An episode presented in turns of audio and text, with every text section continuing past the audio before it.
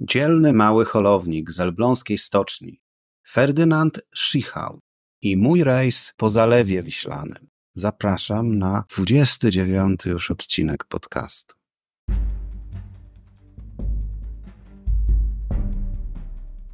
Ryszard Kapuściński powiedział: Wszak istnieje coś takiego jak zarażenie podróżą i jest to rodzaj choroby w gruncie rzeczy nieuleczalnej. Będzie to podcast o podróżach do miejsc niedalekich, o bogatej historii Polski i regionu, o miejscach osiągalnych dla każdego i o moich przemyśleniach w historycznych miejscach. Zapraszam. Marcin.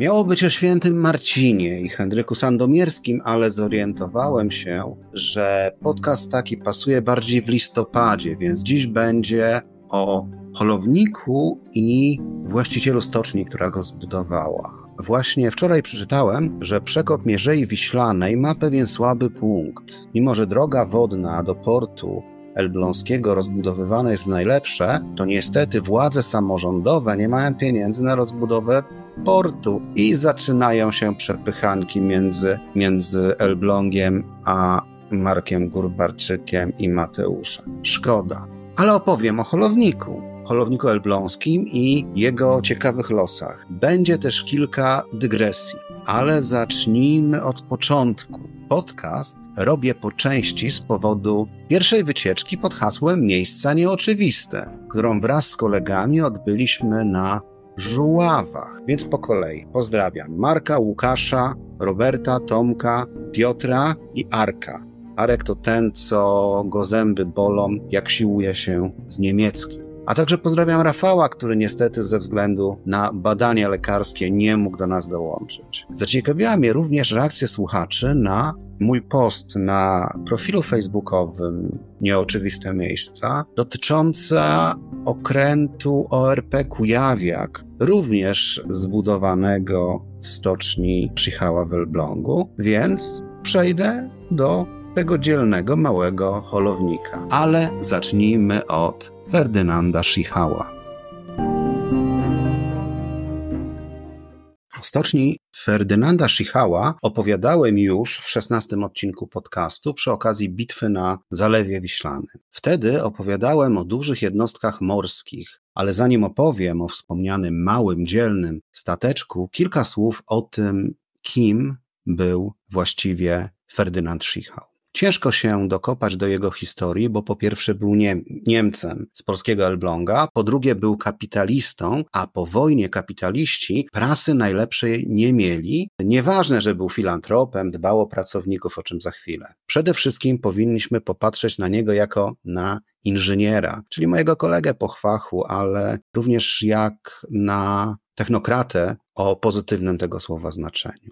Był synem Holendra. Ciekawy, czy niegdysiejszego Menonity odsyłam do mojego drugiego odcinka podcastu, więc był synem Holendra o siadłego w Elblągu, Karola Jakoba Schichała, rzemieślnika specjalizującego się w wytopie miedzi. Po ukończeniu szkoły w powszechnej Ferdynand terminował w warsztacie ślusarskim, ucząc się w szkole zawodowej utrzymywanej przez Elbląskie Towarzystwo Przemysłowe. Chłopiec wyróżniał się tak nieprzeciętnymi zdolnościami, że wspomniane towarzystwo wystarało się na dworze królewskim w Berlinie o stypendium i wysłało go tam, więc studiował w Królewskim Instytucie Przemysłowym lub jak kto woli na Politechnice Berlińskiej. Podczas studiów odbył praktyki w Wielkiej Brytanii. W 1837 roku za kasę pożyczoną od ojca otworzył w Elblągu warsztat naprawy maszyn, w którym początkowo zatrudniał tylko 8 osób. Warsztat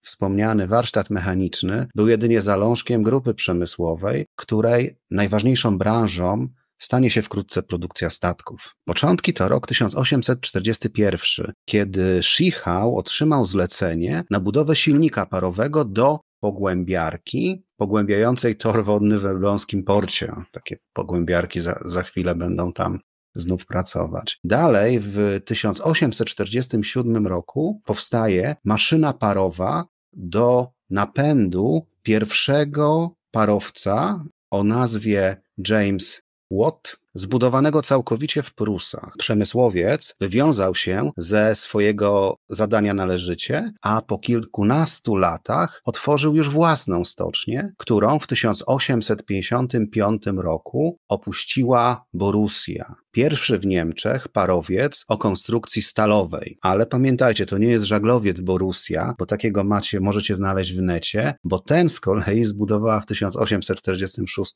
stocznia szkocka w Glasgow. To był po prostu mały statek parowy z napędem podobnym do lokomotywy, a o lokomotywach będzie jeszcze za chwilę. I tutaj obiecana dygresja. Oczywiście powszechną wiedzą jest to, że pojazd parowy wynalazł Brytyjczyk George Stevenson, pochodzący z Chesterfield, bo jako pierwszy zaprojektował lokomotywę parową, więc uważany jest za ojca kolei parowej. Autentyczny pech chciał, żeby Polak Jerzy Brożek, urodzony w, 1800, w 1782 roku na Śląsku Cieszyńskim, wynalazł parowy silnik przed Brytyjczykiem. Ten ambitny Ślązak w latach 1803-1805 studiował w Brnie mechanikę i matematykę, aby później osiąść w Pradze i zająć się wynalazkami. Jerzy Bożek w 1814 roku zbudował pierwszy w Europie powóz z napędem parowym, którym woził pasażerów po ulicach Pragi, ale krótko potem powstała również łódź z parowym silnikiem napędzającym koła łopatkowe. Czyli pierwszy europejski parowiec nie zasuwał po morzach, tylko po Wełtawie. W Czechach Jerzy Bożek jest uważany za Czecha, w Polsce nieco zapomniany. Ale wróćmy do Ferdynanda. Ten to Ferdynand w roku 1872 kupił i zmodernizował leżącą obok jego zakładu konkurencyjną stocznię Mitzlafa. Jednak niezbyt korzystne położenie Elbląga nie było najlepsze na budowę wielkich statków. Więc w 1892 roku Stocznia Elbląska uruchomiła swoją filię w Gdańsku, o czym także mówiłem we wspomnianym szesnastym odcinku. Grupa przemysłowa produkowała statki handlowe, pogłębiarki, holowniki, doki pływające, kutry rybackie, a nawet statki wielorybnicze. Jednak najważniejszym zleceniodawcą była zawsze cesarska marynarka wojenna. Do końca lat 60. XIX wieku drugą istotną branżą było konstruowanie i budowa maszyn parowych, także dla kolei. I w roku 1912 firma Schichau świętowała wyprodukowanie dwutysięcznej lokomotywy. Tak więc lokomotywy były również produkowane w Elblągu. O tym, jakie statki i okręty produkowała ta stocznia, opowiadałem już. Dość powiedzieć, że stocznia miała również zakłady w Rydze, Bremerhaven, ten się nazywał Schichau Zebek Werft i to jest stocznia funkcjonująca do 2009 roku. Miała również swoją, swój oddział w Królewcu. E, ten, tę stocznię po wojnie Sowieci nazwali jako, e, nazwali Jantar, stocznią Jantar i bodajże stocznia Jantar i stocznia w Rydze funkcjonują również do dzisiaj. Ten człowiek był lokalnym patriotą, więc pijał tylko English Brynen z elbląskiego browaru, dzisiaj z grupy Żywiec, a cygara palił wyłącznie wyprodukowane w fabryce Lessera i Wolfa, w której to siedzibie po wojnie przez całe lata mieściły się zakłady Truso, specjalizujące się w szyciu bielizny i garderoby damskiej. Przedmiot pożądania kobiet PRL-u. A sama fabryka papierosów i wyrobów tytoniowych Bernarda Lessera i Karla Wolfa swojego czasu były największe w Europie. Ferdynand Schichau był też dobrym pracodawcą. Pracownicy mieli do dyspozycji stołówki i zakładową służbę zdrowia. Oczkiem w głowie pr pryncypała było także szkolnictwo zawodowe, które rozwijając spłacał dług wdzięczności rodzinnemu miastu, które przecież przed laty finansowało jego naukę w Berlińskiej Akademii Przemysłowej. Miasto było również wielkim beneficjentem hojności Szychała. Właściciel stoczni sponsorował budowę szkół, sierocińców, infrastruktury miejskiej. Na rozległym placu między fabryką lokomotyw i stacją kolejową, dzisiaj to jest chyba hala Elzamu, ta stacja lokomotyw, urządził teren rekreacyjny z boiskiem piłkarskim, a ubogim mieszkańcom miasta Ferdynand Schichał pomagał przez kasę ubogich, Armen Kasę, którą sam założył, a później systematycznie systematycznie zasilał z, ze swoich prywatnych dochodów. Planowano sukcesję na rzecz najstarszego z piątki dzieci, syna Ericha. jednak ten nie wykazywał zainteresowań technicznych i stał się, uwaga, rolnikiem, do końca życia gospodarując w swym majątku pod biskupcem. Ostatecznie ster firmy przypadł Karlowi Cisse, mężowi najstarszej córki Ferdynanda, która miała na imię Elizabeth. Elbląski przemysłowiec zmarł 23 stycznia 1896 roku. Na uroczystości, bo, na uroczystości pogrzebowe w uznaniu zasług cesarz Wilhelm II wysłał swojego adiutanta Augusta von Mackensena, późniejszego feldmarszałka. Późniejszego feldmarszałka, ale także pomysłodawcy budowy opery leśnej w Sopocie, czyli tym, co lubią kolekcjonować wiedzę niepotrzebną. Tak, to był pomysłodawca opery leśnej, gdzie się festiwal odbywa przez całe lata. W Elblągu stał pomnik Ferdynanda Schichała. Możecie jego zdjęcie zobaczyć na moich profilach na Facebooku, Instagramie. Wrzucę go i opiszę krótko, bo jest kilka legend związanych z tym pomnikiem. Ulica Stoczniowa w Elblągu to miejsce, gdzie mieściła się Schichauwerft, ale kiedyś ulica nazywała się Schichaustrasse. Obecnie od Stoczniowej ciągnie się Królewiecka, która nie wiedzieć czemu nazywała się kiedyś oczywiście Königsbergerstrasse. Nie sprawdzałem, czy za komunę nazywała się Kaliningradzka, ale najprawdopodobniej tak. Więc na część przemysłowca część Königsbergerstrasse została przemianowana właśnie na Schichaustrasse, ale chyba nie w całości, bo znalazłem wzmiankę o Schichaustrasse am Königsberger Tor, czyli ulica Schichała przy Bramie Królewieckiej. W 1946 roku łupem Armii Czerwonej padło prawie całe wyposażenie techniczne stoczni, a także półfabrykaty do produkcji oraz zastaną tam produkcję w toku w postaci lądowego i wodnego sprzętu wojskowego, na przykład były tam lekkie wozy bojowe piechoty i miniaturowe okręty podwodne nieskończone typu Zichund, o których już opowiadałem właśnie w tym poprzednim wspomnianym szesnastym podcaście. Tak rozpoczęła się mozolna budowa na terenie obiektów stoczniowych zakładów mechanicznych zamek imienia Karola Świerczewskiego, bo stocznia przez brak dostępu do morza, w zasadzie miała go tylko przez Cieśninę Pilawską pilnowaną przez Rosjan, Stocznia przez brak dostępu do morza perspektyw nie miała, choć elementy wyposażenia okrętowego, takie jak śruby nastawne, stery strumieniowe czy Kotwice były tutaj produkowane. Dziedzictwo maszyn parowych było silniejsze i tak zamek stał się największym producentem turbin we wschodniej Europie. A może pewnie, być może rosyjskie fabryki z Petersburga były troszeczkę większe, natomiast jeżeli usuniemy Rosję z, z Europy Wschodniej, to zamek na mapie Europy Wschodniej był największą taką fabryką. Po piersie patrona, generała Karola Świerczewskiego, o którym z kolei opowiadałem w dziesiątym jubileuszowym odcinku, stało do 1990 roku przed głównym budynkiem, tak zwanym A1 przy ulicy Stoczniowej 2. Ale zastanawiało mnie, czy sto Stoczniowa nie nazywała się kiedyś Świerczewskiego. Nie. Świerczewskiego była przy parku miejskim zwanym Plantami koło pomnika czołgu, obok którego niegdyś był pub o nazwie Tank. Piwo mieli dobre, ale w sobotnie wieczory dym od fajek był taki, że widoczność była ograniczona może na metr dwa ciuchy do prania. Przekształcenie i zmiany spowodowały, że na terenie dawnych zakładów mechanicznych mieści się dzisiaj sporo różnych bytów. Chyba największy z nich to General Electric, który jest spadkobiercą obecnie zamechu. I tu jeszcze dodam, fajnie, że miasto Elbląg wraca do tradycji Szychała, bo od 2000 roku Fundacja Elbląg organizuje konkurs na Filantropa Roku, gdzie nagrodą jest statuetka właśnie Fryderyka. Nie Fryderyka, tylko Ferdynanda. Przy statueczce nieźle się przejęzyczyłem. Parę słów o małym holowniku, więc mamy rok 1904. W stoczni Schichau-Werft w na zamówienie cesarskiej marynarki zostaje zwodowany holownik o nazwie Herkules. Myślę, że imię nadane na chrzcie może o czymś świadczyć, ale nie wyprzedzajmy fakt. Jest to duży holownik, długości 32 metrów i zanurzeniu 3,6 metra.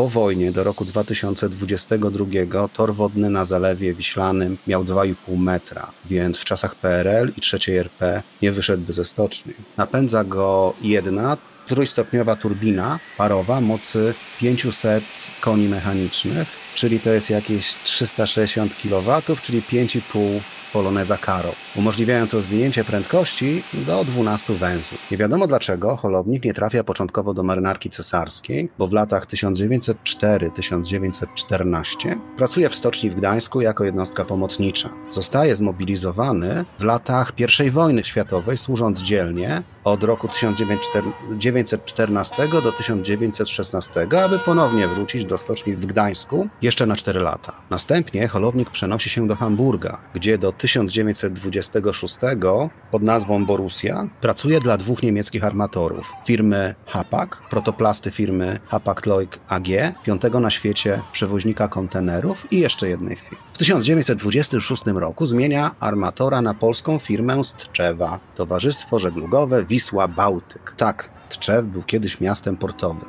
Dość powiedzieć, że moja alma Marin Mater, zanim ostatecznie została szkołą, a potem uczelnią gdyńską, swoje początki miała właśnie w Tczewie, o czym pisał Karol Borchardt w swoich książkach.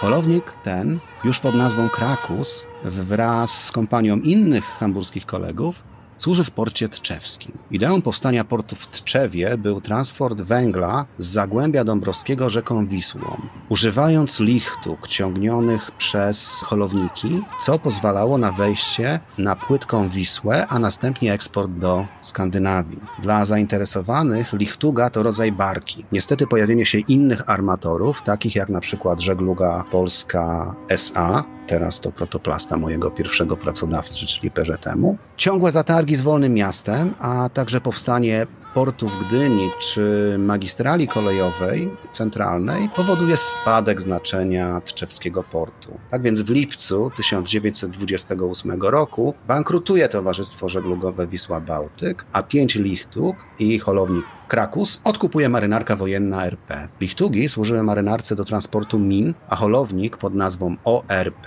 Lech po modernizacji w roku 1930 rozpoczął swoją nową kartę historii, czyli służbę w, marynarce, będąc wówczas największym i najsilniejszym z holowników marynarki wojennej. Pomagał przy wejściu do portu i cumowaniu dużych okrętów w porcie na Oksywiu oraz do holowania w Zatoce Gdańskiej tarcz artyleryjskich przydzielony jako jednostka pomocnicza do szkolnego okrętu artyleryjskiego ORP Mazur. W czasie kampanii wrześniowej holownik, dowodzony przez starszego Bosmana Stanisława Wojskiego, został przydzielony do wyłącznej dyspozycji dowódcy lądowej obrony Wybrzeża, pułkownika Stanisława Dąbka, którego kiedyś grałem w przedstawieniu szkolnym, pamiętam. Jednak po silnym bombardowaniu Oksywia przez samoloty Luftwaffe wyszedł do jastarni, aby spotkać się ze swoimi dawnymi koleżankami, lichtugami z Trzewa. Na wysokości Jamy Kuźnickiej ORP Lech pracował przy stawianiu min do 14 września, kiedy podczas nalotu bombowców nurkujących Junkers Ju-87, straszne zbóje to były, idzie na dno wraz z trzema innymi okrętami ORP Pomorzanin, ORP Czapla i ORP Jaskółka. Po wyłowieniu tych jednostek tylko ORP Lech został wyremontowany przez Niemców, reszta okrętów poszła na złom, choć są pewne dywagacje, czy Czapla służył po remoncie gdzieś w głębi Rzeszy. Nie wiadomo, co robił i jak nazywał się nasz dzielny holownik w służbie Kriegsmarine, ani dlaczego Niemcy przywrócili go do służby po wyłowieniu. Stawiam hipotezę, że duża jednostka potrzebna była siedzibie i centrali bałtyckiej Kriegsmarine w Gotenhafen, bo tak trzecia Rzesza nazwała moje miasto w czasie wojny. Inne źródła mówią, że Niemcy podczas wojny podnieśli jego wrak z dna portu w Jastarni, wyremontowali i o nim zapomnieli, poprzestając na ustawieniu go na nabrzeżu. Po zakończeniu II wojny, 1 stycznia 1946 roku, ORP Lech wraca do służby w polskiej marynarce wojennej. Stacjonuje w Gdyni, aby pół roku później zatonąć przy gdyńskim nabrzeżu, podczas jakiegoś piekielnego sztormu. Polownik został wydobyty, wystawiony na, na ląd, wyremontowany i przebudowany, a ponownie podniósł banderę 26 stycznia 1957 roku, więc jak widzicie remontowali go 10 lat. Zamiast nazwy otrzymuje już wtedy oznaczenie H6. Wycofany został ze służby 1 kwietnia 1983 roku jako ostatni holownik parowy marynarki wojennej, więc jest to blisko 80 lat w służbie u różnych armatorów i pod różnymi banderami. O holowniku pisał również tygodnik marynarki wojennej Bandera przy okazji zobowiązań na ósmy zjazd Polskiej Zjednoczonej Partii Robotniczej w 1980 roku. Taki fragment znalazłem. Już wcześniej załoga holownika postanowiła, że dnia 11 lutego bieżącego roku każde zadanie, które będę wykonywać, musi być na piątkę. Taką postawą pragnęli uczcić rozpoczęcie zjazdu naszej partii. Udało to się im całkowicie. Dowódca H6, starszy bosman Zdzisław Grzegorzewski, zadowolony jest z swoich podwładnych. Tyle o holowniku. Pora na miejsce nieoczywiste. I tutaj wrócimy na Zalew Wiślana. Historia będzie z życia wzięta i to z życia mojego. Na moje urodziny, które obchodzę w listopadzie, dostałem w prezencie od siostry rejs po żuławach. Jednak listopad to nie jest najlepszy okres na turystyczne rejsy, więc motorowa łódka Aleksander musiała poczekać na mnie, a właściwie na nas, do kwietnia, bo wyruszyliśmy razem z moją siostrą, synem i siostrzeńcem. Pozdrawiam Was wszystkich. Marta, Janek, Czesiu, pozdrowienia. Założenie jej plan był prosty. Uznaliśmy Zalew Wiślany za akwen spokojny i łatwy w opanowaniu, a mając na, na, pokładzie dwoje sterników jachtowych z papierami, nie było żadnych zagrożeń. Pierwotna trasa miała być trzydniowa, więc wyglądać to miało tak. Ponieważ portem macierzystym Aleksandra jest miejscowość Rybina, leżąca przy rzece o nazwie Szkarpawa, wyjedziemy Wyjdziemy Szkarpawą na Zalew Wiślany, dochodząc do Nowej Pasłęki, ostatniego portu przed obwodem kaliningradzkim. Po czym wracając zatrzymamy się na dłużej we Fromborku, który ma obecnie dość duży port i cały czas ten port się rozbudowuje. Następnego dnia przejdziemy do Elbląga, po drodze oglądając budowę Wyspy Estyjskiej, a także modernizację drogi wodnej do portu elbląskiego. Po noclegu w Elblągu rano wyjdziemy jeszcze na jezioro Dróżno w poszukiwaniu legendarnego Truso i poprzez Noga odprowadzimy Aleksandra do Rybina. Pierwszy problem był taki, że ze względów zawodowych moja siostra nie mogła spędzić na łódce trzech dni, a w zasadzie dwóch nocy i musieliśmy wyprawę zagęścić, więc pierwsza odpadła nam z planów Nowa Pasłęka. Aleksander, parę słów o nim, to łódka motorowa przerobiona ze starej szalupy. Wcześniej pływała na tak zwanego dorsza po Zatoce Gdańskiej. Ma ona dość duże zadłużenie jak na taką jednostkę, bo to jest około 1,2 metra. Po przestudiowaniu mapy okazało się, że dowolne pływanie szuwarowo-bagienne jak na Mazurach nie wchodzi w grę. Trzeba trzymać się torów wodnych, które są pogłębione, jak już wcześniej wspomniałem, do 2,5 metra. Pierwszy ząg pojawił się na wyjściu ze Szprotawy na zalew. Stała tam pogłębiarka i nie dało się wyjść. Więc wróciliśmy do Rybina, aby dojść do zalewu Wisłą Królewiecką. Na Fromborg już nie starczyło czasu, bo minęły cztery godziny zanim się wydosta e, wydostaliśmy, a my dalej na rzekę. No cóż, pierwszy kierunek Pława Gdańska. Potem idziemy na Pławę Elbląską, mijając wspomnianą już wyspę estyjską lub raczej jej budowę. Wiało niemiłosiernie. Fala była ostra, łódką kołysało jak małą łupinką. Dość powiedzieć, że byliśmy jedyną jednostką turystyczną w obrębie wzroku. E, siostrzeniec mój robił się blady i zielony na przemian. Na szczęście syn całą, całą sytuację opanował, e, wychodząc z nim na zewnątrz. W dół od Pławy Elbląskiej tuż przed wejściem na rzekę Elbląg, zepsuł nam się silnik, niestety. Uzgodniliśmy z właścicielami, że dobijemy do najbliższego portu, właściciele spróbują nam pomóc. Najbliższa według mapy przystań to Jagodno, które wprawdzie było portem, ale kajakowym. Więc nasz dzielny Aleksander wszedł na mieliznę, zanim spotkaliśmy się z właścicielem. Miała nas wyciągnąć jakaś zaprzyjaźniona rybacka łódka, ale wszystkie zaprzyjaźnione łódki Miały akurat silniki w remoncie. Nie pozostało nic innego, jak zadzwonić pod 112 i czekać na pomoc. Zgłoszenie przyjęła Straż Pożarna, bo tylko oni w okolicy dysponowali płaskodenną łodzią. Po czterech godzinach dzielni strażacy odstawili nas na most obrotowy w Nowakowie, a Aleksandra zostawiliśmy na kotwicy. Jeżeli ktoś z tych strażaków mnie słucha, pozdrawiam i jeszcze raz Wam, chłopaki, dziękuję. Pozdrawiam. Tak skończyła się moja morska przygoda na Zalewie Wiślanym. Ale ponieważ to silnik się zepsuł, nie z naszej winy, wyprawę powtórzymy, tak uzgodniliśmy to z właścicielami. To, co się zdarzyło, jest dowodem, że to nie jest jakieś większe jezioro, że zalew to nie jest jakieś większe jezioro, a Elbląg nie tylko był, ale może znów stać się pełnoprawnym portem morskim. Zważywszy, że widziałem ze strażackiej łodzi, jak postępują prace przy wejściu do elbląskiego portu.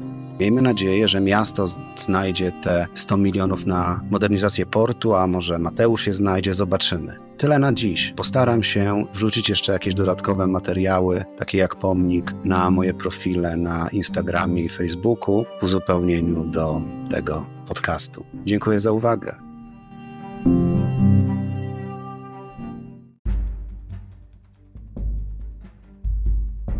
Dziękuję za wysłuchanie dzisiejszego podcastu. Czekam na uwagi o tym odcinku na Facebooku i Instagramie. Możecie także ocenić ten podcast w serwisach Spotify, Apple czy Player FM. Wasze pozytywne oceny ułatwią dotarcie do kolejnych słuchaczy.